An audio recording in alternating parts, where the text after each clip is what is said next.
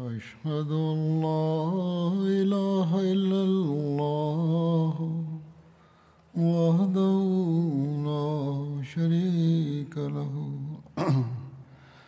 وأشهد أن محمدا عبده ورسوله.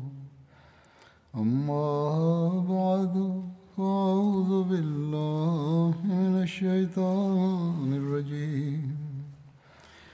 بسم الله الرحمن الرحيم. الحمد لله رب العالمين. الرحمن الرحيم. مالك يوم الدين. إياك نعبد وإياك نستعين اهدنا الصراط المستقيم. صراط الذين أنعمت عليهم. غير المغضوب عليهم ولا الضالين.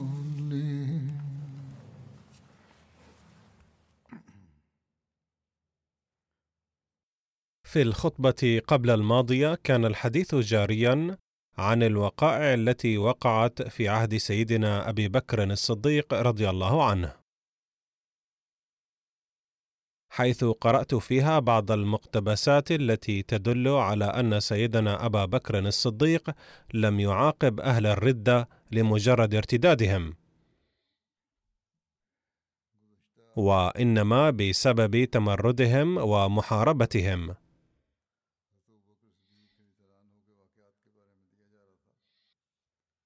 وقد عد سيدنا المسيح الموعود عليه الصلاة والسلام الحكم العدل في هذا العصر أيضا الردة الحاصلة في عهد خلافة سيدنا أبي بكر الصديق بغيا وتمردا.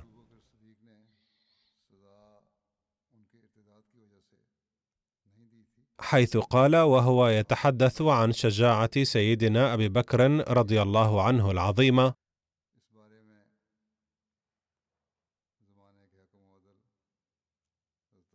كان وقت خلافته وقت الخوف والمصائب كما لا يخفى على أهل التحقيق. فإن رسول الله صلى الله عليه وسلم لما توفي نزلت المصائب على الإسلام والمسلمين.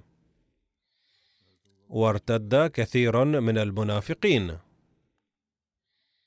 وتطاولت ألسنة المرتدين. وادعى النبوة نفر من المفترين.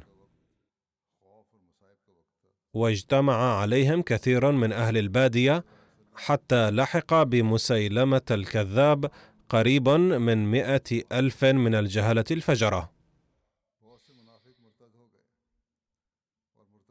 وهاجت الفتن وكثرت المحن. وأحاطت البلايا قريبا وبعيدا. وزلزل المؤمنون زلزالا شديدا. هنالك ابتليت كل نفس من الناس. وظهرت حالات مخوفة مدهشة الحواس. وكان المؤمنون مضطرين كأن جمرا أضرمت في قلوبهم أو ذبحوا بالسكين. وكانوا يبكون تارة من فراق خير البرية صلى الله عليه وسلم وأخرى من فتن ظهرت كالنيران المحرقة. ولم يكن اثرا من أمن وغلبت المفتنون كخضراء الدمن. فزاد المؤمنون خوفا وفزعا وملئت القلوب دهشة وجزعا. ففي ذلك الأوان جعل أبو بكر رضي الله عنه حاكم الزمان وخليفة خاتم النبيين فغلب عليه هم وغم من أطوار رآها ومن آثار شاهدها في المنافقين والكافرين والمرتدين. وكان يبكي كمرابيع الربيع وتجري عبراته كالينابيع.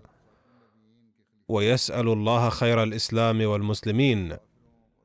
وعن عائشة رضي الله عنها قالت لما جعل أبي خليفة وفوض الله إليه الإمارة فرأى بمجرد الاستخلاف تموج الفتن من كل الأطراف ومور المتنبئين الكاذبين وبغاوة المرتدين المنافقين. فصبت عليه مصائب لو صبت على الجبال لانهدت وسقطت وانكسرت في الحال. ولكنه أعطي صبرا كالمرسلين. يقول المسيح الموعود عليه السلام حتى جاء نصر الله وقتل المتنبئون وأهلك المرتدون وأزيل الفتن ودفع المحن وقضي الأمر واستقام أمر الخلافة. ونجى الله المؤمنين من الآفة. وبدل من بعد خوفهم أمنا. ومكن لهم دينهم وأقام على الحق زمنا. وسود وجوه المفسدين. وأنجز وعده ونصر عبده الصديق. وأباد الطواغيت والغرانيق وألقى الرعب في قلوب الكفار فانهزموا ورجعوا وتابوا. وكان هذا وعد من الله القهار وهو أصدق الصادقين. يقول عليه السلام فانظر كيف تم وعد الخلافة مع جميع لوازمه وإماراته في الصديق وأدعو الله أن يشرح صدرك لهذا التحقيق.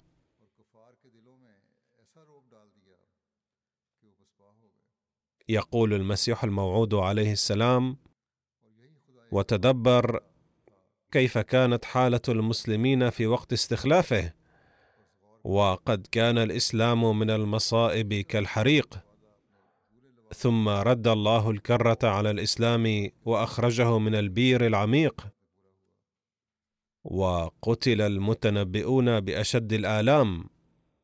وأهلك المرتدون كالأنعام. وآمن الله المؤمنين من خوف كانوا فيه كالميتين. وكان المؤمنون يستبشرون بعد رفع هذا العذاب ويهنئون الصديق ويتلقونه بالترحاب ويحمدونه ويدعون له من حضرة رب الأرباب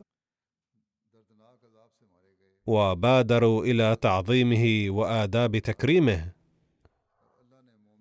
وأدخلوا حبه في تامورهم. واقتدوا به في جميع أمورهم وكانوا له شاكرين.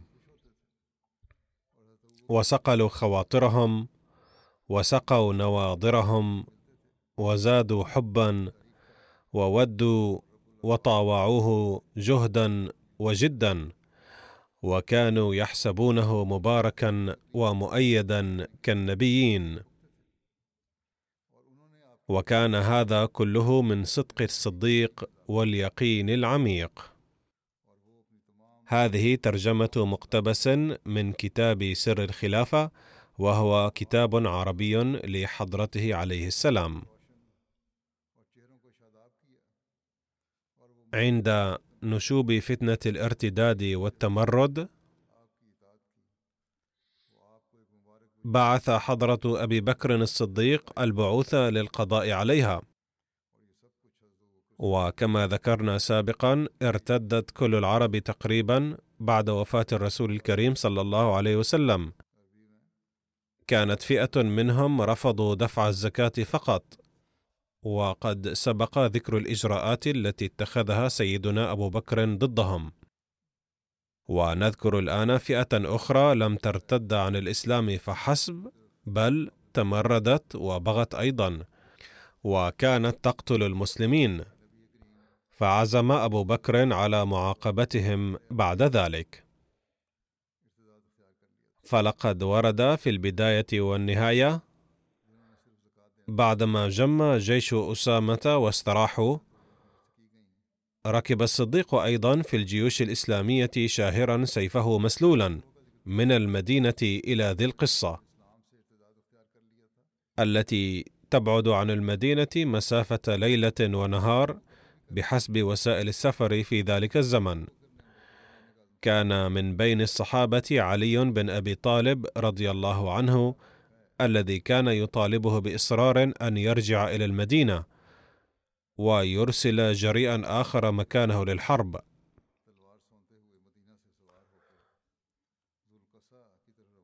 قالت عائشة رضي الله عنها: لما برز أبو بكر إلى القصة واستوى على راحلته أخذ علي بن أبي طالب بزمامها وقال إلى أين يا خليفة رسول الله صلى الله عليه وسلم أقول لك ما قال رسول الله صلى الله عليه وسلم يوم أحد. لم سيفك ولا تفجعنا بنفسك؟ وارجع إلى المدينة. فوالله لئن فجعنا بك لا يكون للإسلام نظام ابدا. فرجع أبو بكر رضي الله عنه وأرسل الجيش.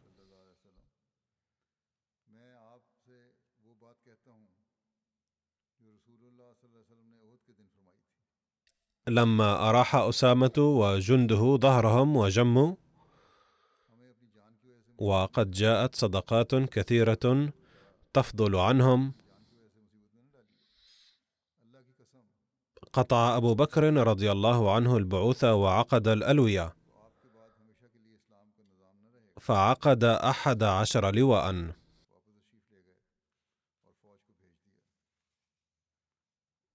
عقد لخالد بن الوليد وأمره بطليحة بن خويلد فإذا فرغ سار إلى مالك بن نويرة بالبطاح إن أقام له.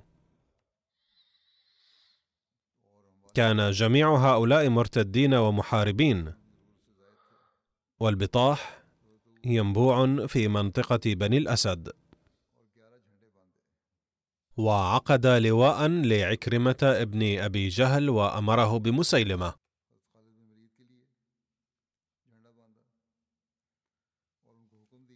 وعقد لواء ثالثا للمهاجر بن أبي أمية وأمره بجنود العنسي ومعونة الأبناء على قيس بن المكشوح ومن أعانه من أهل اليمن عليهم. الأبناء قوم من الفرس الذين أقاموا في اليمن وتزوجوا في العرب. ثم يمضي إلى كندا بحضرموت. وحضرموت منطقة في اليمن. وعقد اللواء الرابع لخالد بن سعيد بن العاص وبعثه إلى الحمقتين من مشارف الشام.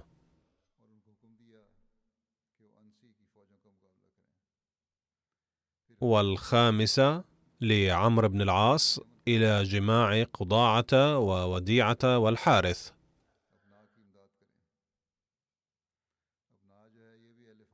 والسادس لحذيفة بن محسن الغلفاني وأمره بأهل دبا وهي سوق العرب في عمان المدينة الشهيرة والقديمة. والسابع لعرفشة بن هرثمة وأمره بمهرة. مهرة اسم لمنطقة في اليمن.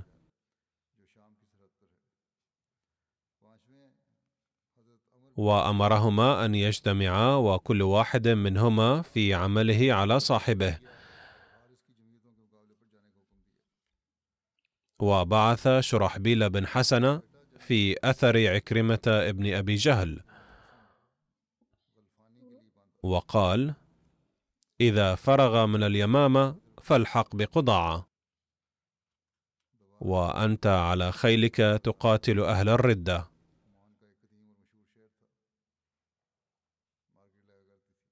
وعقد اللواء التاسع لطريفة بن حاجز وأمره ببني سليم ومن معهم من هوازان. والعاشر لسويد بن مقرن وأمره بتهامة اليمن.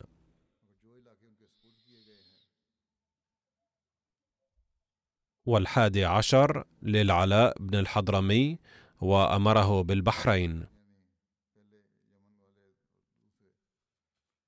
فانطلق الجميع من ذي القصة إلى أهدافهم.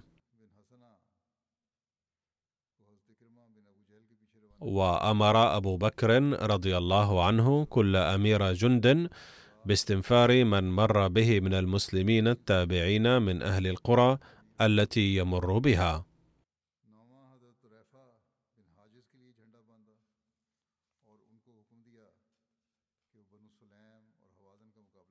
كتب أحد الكتبة وهو يتحدث عن تقسيم أبي بكر رضي الله عنه هذا.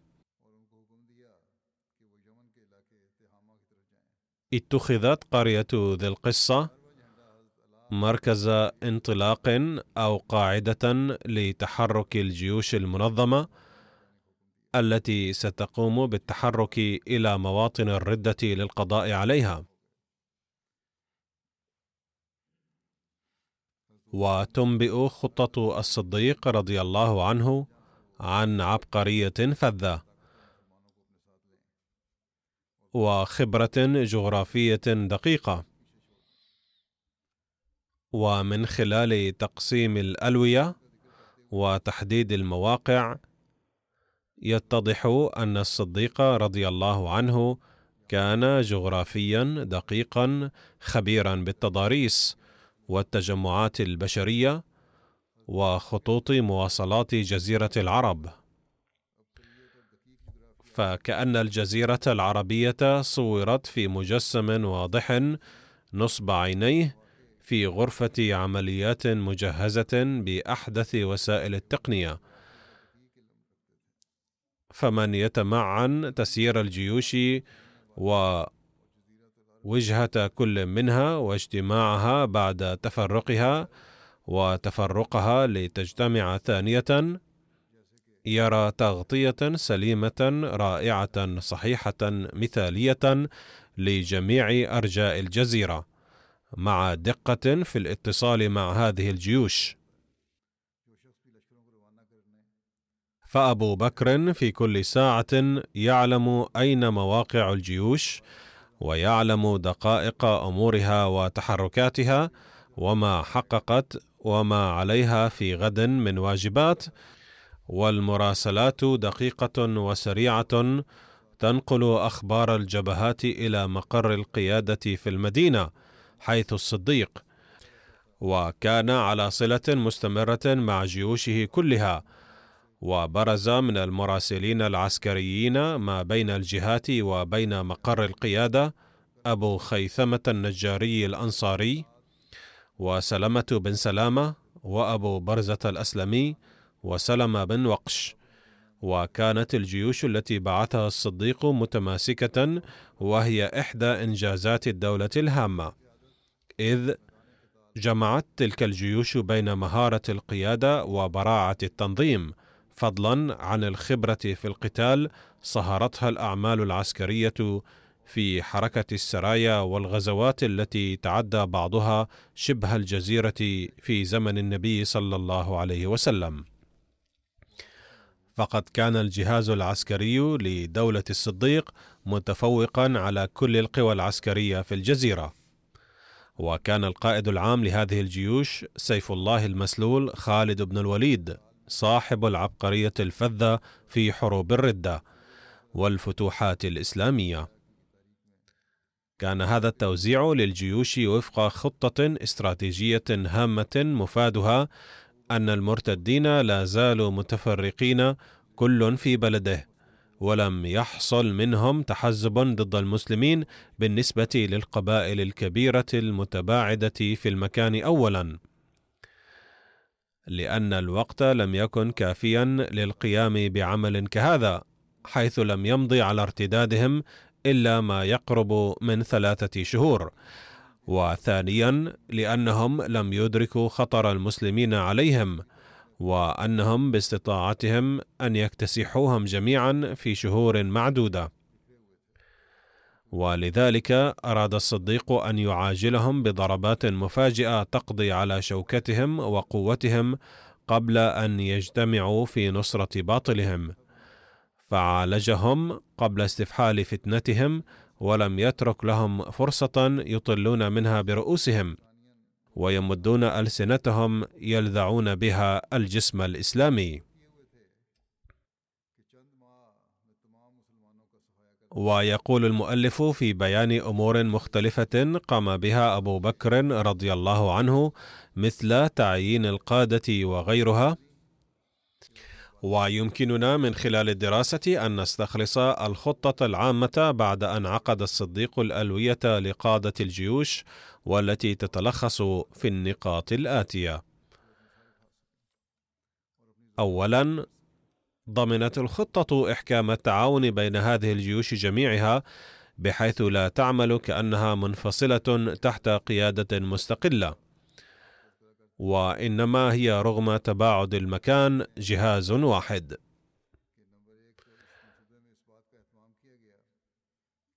وقد تلتقي أو يلتقي بعضها ببعض لتفترق ثم تفترق لتلتقي.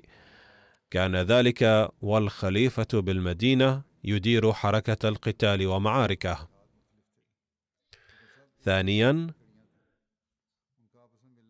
احتفظ الصديق بقوة تحمي المدينة عاصمة الخلافة، واحتفظ بعدد من كبار الصحابة ليستشيرهم وليشاركوه في توجيه سياسة الدولة. ثالثا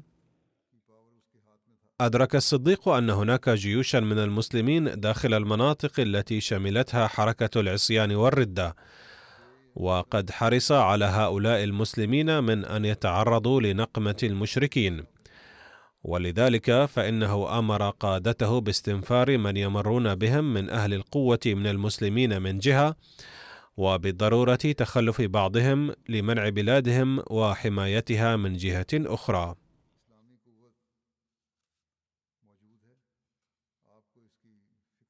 رابعا طبق الخليفة مبدأ الحرب خدعة مع المرتدين.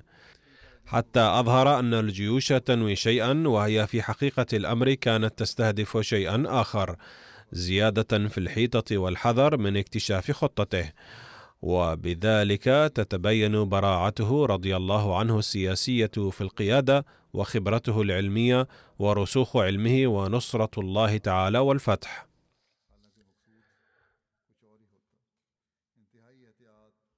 وبهذه المناسبة كتب سيدنا أبو بكر رضي الله عنه أمرين أمرا موجها إلى قبائل العرب وأمرا لإرشاد قادة الجيش. ويقول أحد المؤلفين بهذا الشأن بعد التنظيم الدقيق وحسن الإعداد للجيوش الإسلامية التي عقد لها الصديق الألوية نجد الدعوة البيانية القولية تطل لتقوم بدورها وتدلي بدلوها. فقد حرر الصديق كتابا عاما ذا مضمون محدد سعى إلى نشره على أوسع نطاق ممكن في أوساط من ثبتوا على الإسلام ومن ارتدوا عنه جميعا قبل تسيير قواته لمحاربة الردة. وبعث رجالا إلى محل القبائل وأمرهم بقراءة كتابه في كل مجمع وناشد من يصله مضمون الكتاب بتبليغه لمن لم يصل إليه وحدد الجمهور المخاطب به بأنه العامة والخاصة من أقام على إسلامه أو رجع عنه. لقد أورد الطبري رسالة أبي بكر رضي الله عنه الموجهة إلى قبائل العرب بتفاصيل أكثر من غيره. وقد ذكر سيدنا المسيح الموعود عليه السلام أيضا هذه الرسالة في كتابه سر الخلافة فقال ولنكتب هنا كتابا كتبه الصديق إلى قبائل العرب المرتدة ليزيد المطلعون عليه إيمانا وبصيرة بصلابة الصديق في ترويج شعائر الله والذب عن جميع ما سنه رسول الله صلى الله عليه وسلم. ثم نقل عليه السلام تلك الرسالة وهي كما يلي. بسم الله الرحمن الرحيم. من أبي بكر خليفة رسول الله صلى الله عليه وسلم إلى من بلغه كتابي هذا من عامة وخاصة أقام على إسلامه أو رجع عنه. سلام على من اتبع الهدى ولم يرجع بعد الهدى إلى الضلالة والعمى. فإني أحمد إليكم الله الذي لا إله إلا هو وأشهد أن لا إله إلا الله وحده لا شريك له وأن محمدا عبده ورسوله. نقر بما جاء به ونكفر من أبى ونجاهده. أما بعد فإن الله تعالى أرسل محمدا بالحق من عنده إلى خلقه بشيرا ونذيرا وداعيا إلى الله بإذنه وسراجا منيرا لينذر من كان حيا ويحق القول على الكافرين. فهدى الله بالحق من أجاب إليه وضرب رسول الله صلى الله عليه وسلم من أدبر عنه حتى صار إلى الإسلام طوعا وكرها. ثم توفي رسول الله صلى الله عليه وسلم وقد نفذ لأمر الله ونصح لأمته وقضى الذي كان عليه. وكان الله قد بين له ذلك ولأهل الإسلام في الكتاب الذي أنزل فقال إنك ميت وإنهم ميتون. وقال وما جعلنا لبشر من قبلك الخلد أفإن مت فهم الخالدون.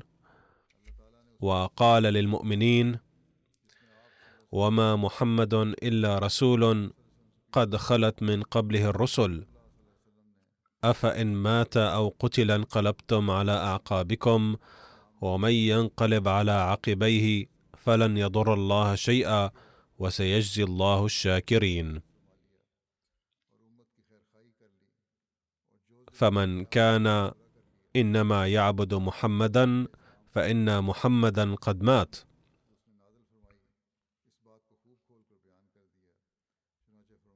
ومن كان إنما يعبد الله وحده لا شريك له فإن الله له بالمرصاد. حي قيوم لا يموت ولا تأخذه سنة ولا نوم. حافظ لأمره منتقم من عدوه يجزيه.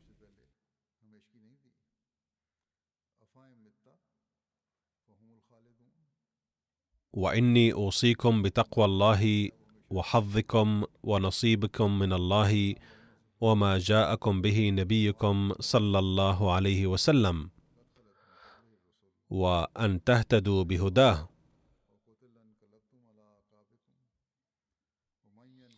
وأن تعتصموا بدين الله.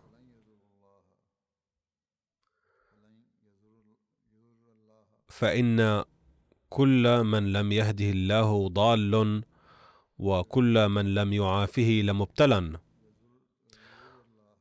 وكل من لم يعنه مخذول.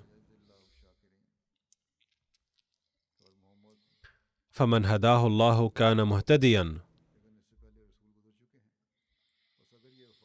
ومن أضله كان ضالا. قال الله تعالى من يهدي الله فهو المهتد. ومن يضلل فلن تجد له وليا مرشدا. ولم يقبل منه في الدنيا عمل حتى يقر به. ولم يقبل منه في الآخرة صرف ولا عدل.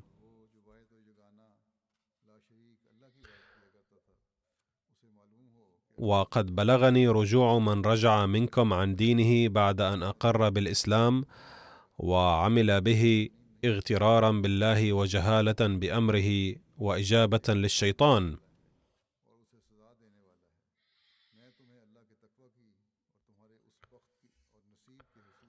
قال الله تعالى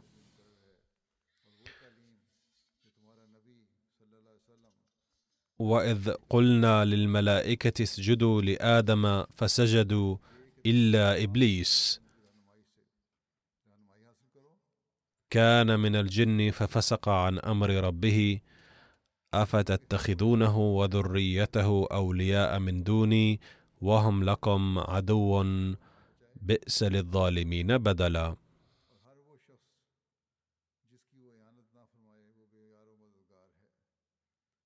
وقال إن الشيطان لكم عدو فاتخذوه عدوا. إنما يدعو حزبه ليكونوا من أصحاب السعير.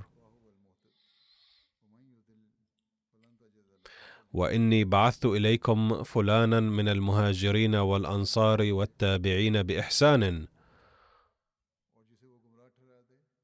وأمرته الا يقاتل أحدا ولا يقتله حتى يدعوه إلى داعية الله. فمن استجاب له وأقر وكف وعمل صالحا قبل منه وأعانه عليه.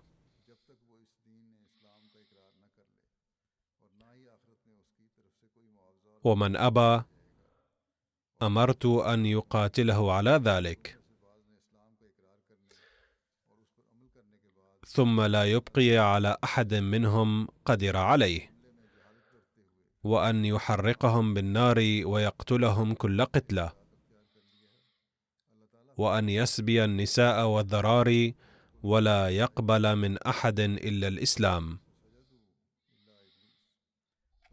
فمن اتبعه فهو خير له ومن تركه فلن يعجز الله.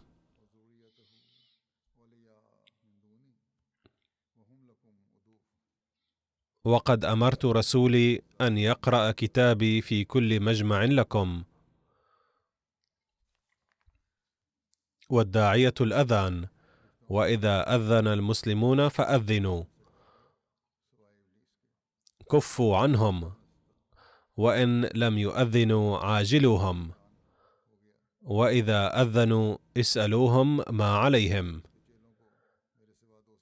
فإن أبوا عاجلوهم وإن اقروا قبل منهم. باختصار لماذا شنت عليهم الحرب ولماذا عوملوا كلهم هذه المعاملة؟ لأنهم كانوا محاربين وكانوا يفرضون الحرب على المسلمين. ولم يكونوا يقاتلونهم بل كانوا يعتدون عليهم. وكانوا يظلمون المسلمين العزل المقيمين في مناطقهم. الرسالة الثانية التي أرسلها سيدنا أبو بكر رضي الله عنه إلى قادة الجيش كلهم الذين كان عددهم أحد عشر قائدا وقد مر ذكرهم هي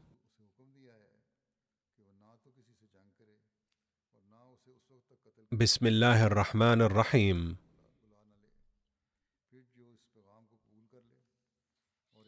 هذا عهد من أبي بكر خليفة رسول الله صلى الله عليه وسلم لفلان حين بعثه في من بعثه لقتال من رجع عن الإسلام وكتب على الرسالة اسم القائد.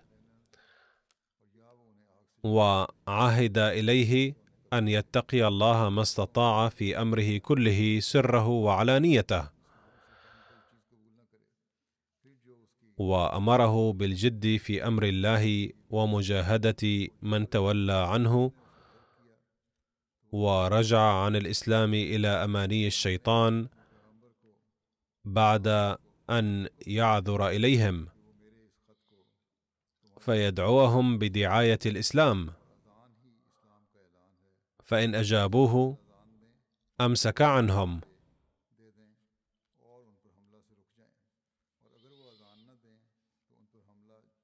وإن لم يجيبوه شن غارته عليهم حتى يقروا له. ثم ينبئهم بالذي عليهم والذي لهم.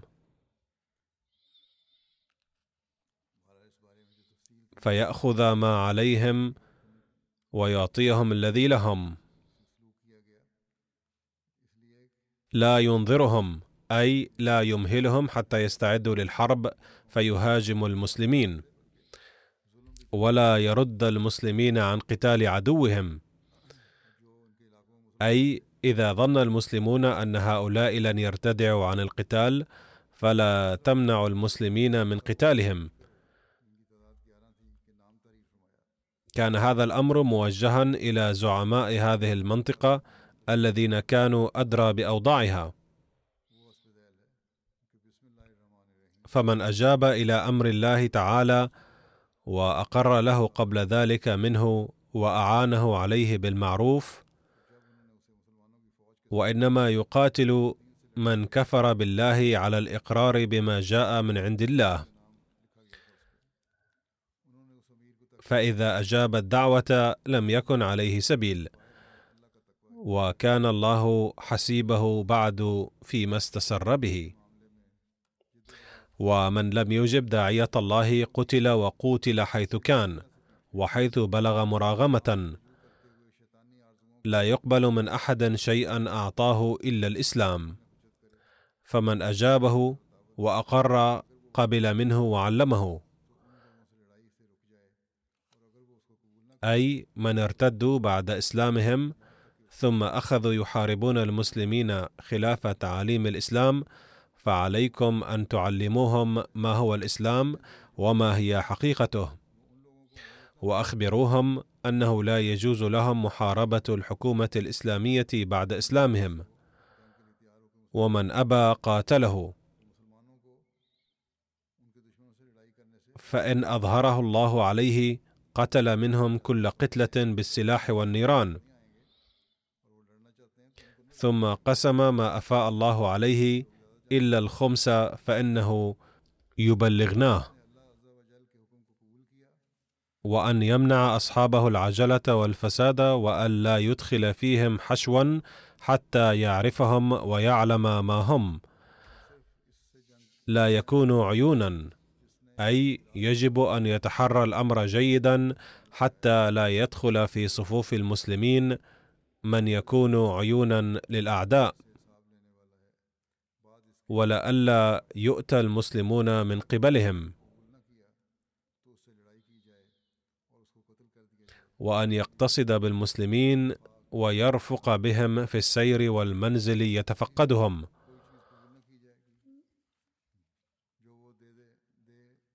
ولا يعجل بعضهم عن بعض ويستوصي بالمسلمين في حسن الصحبة ولين القول.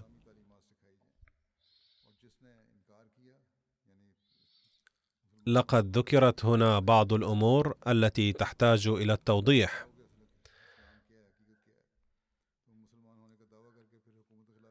إلا أنه لم يرد هنا توضيحها مما قد يؤدي إلى نشوء فكرة خاطئة عن الإسلام. لقد شرحت في خطبة ماضية أن هؤلاء المرتدين كانوا محاربين كلهم. فلم يحاربوا فحسب بل ظلموا المسلمين القاطنين في مناطقهم. فقتلوهم وحرقوا عليهم بيوتهم. فقال عنهم أبو بكر رضي الله عنه بأنه سينتقم منهم حتما وسيعاقبهم بالطريقة نفسها. كما يتضح من هذه الرسالة التي نقلها المسيح الموعود عليه السلام أيضا. لأنه موافق لقوله تعالى الوارد في القرآن الكريم جزاء سيئة سيئة مثلها.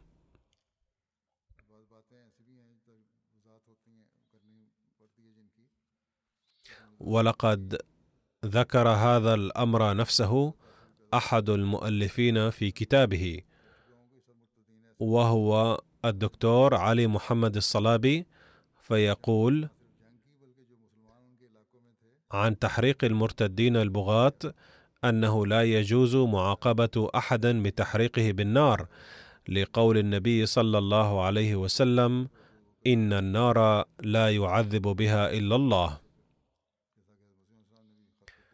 ولكن أمر بتحريق هؤلاء الأوغاد لأنهم أهلكوا أهل الإيمان بهذا الطريق فكان تحريقهم قصاصا.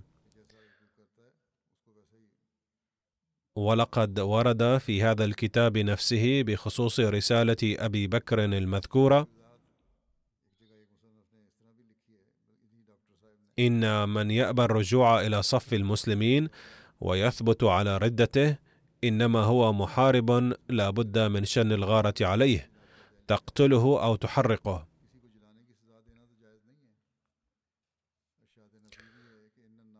لقد قال الله تعالى في القرآن الكريم أيضا فمن اعتدى عليكم فاعتدوا عليه بمثل ما اعتدى عليكم. وإن هؤلاء البغاة كما ذكرت في خطبة ماضية والآن أيضا ارتكبوا جريمة تحريق المسلمين وقتلهم بأشنع الطرق. فقد حرقوهم بالنار وحرقوا بيوتهم وأهلهم وأولادهم ومثلوهم.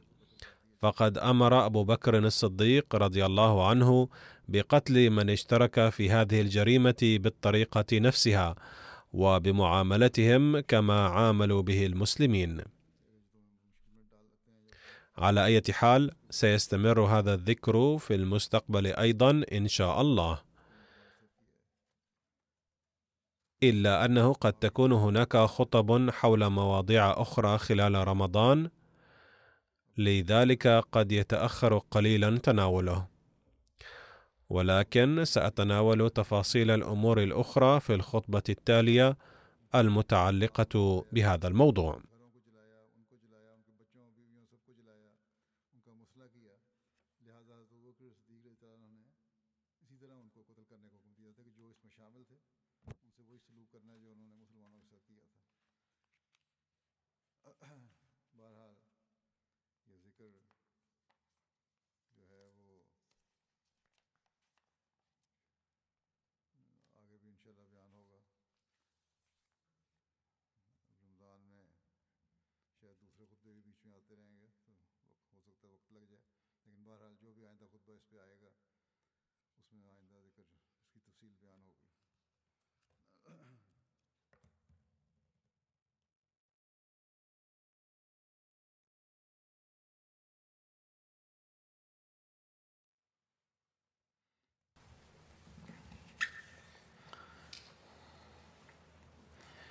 الحمد لله الحمد لله نحمده ونستعينه ونستغفره ونؤمن به ونتوكل عليه ونعوذ بالله من شرور انفسنا ومن سيئات اعمالنا من يهده الله فلا مضل له ومن يضلل فلا هادي له.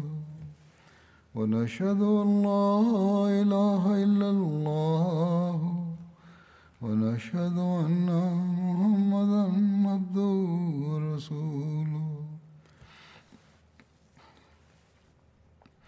عباد الله رحمكم الله.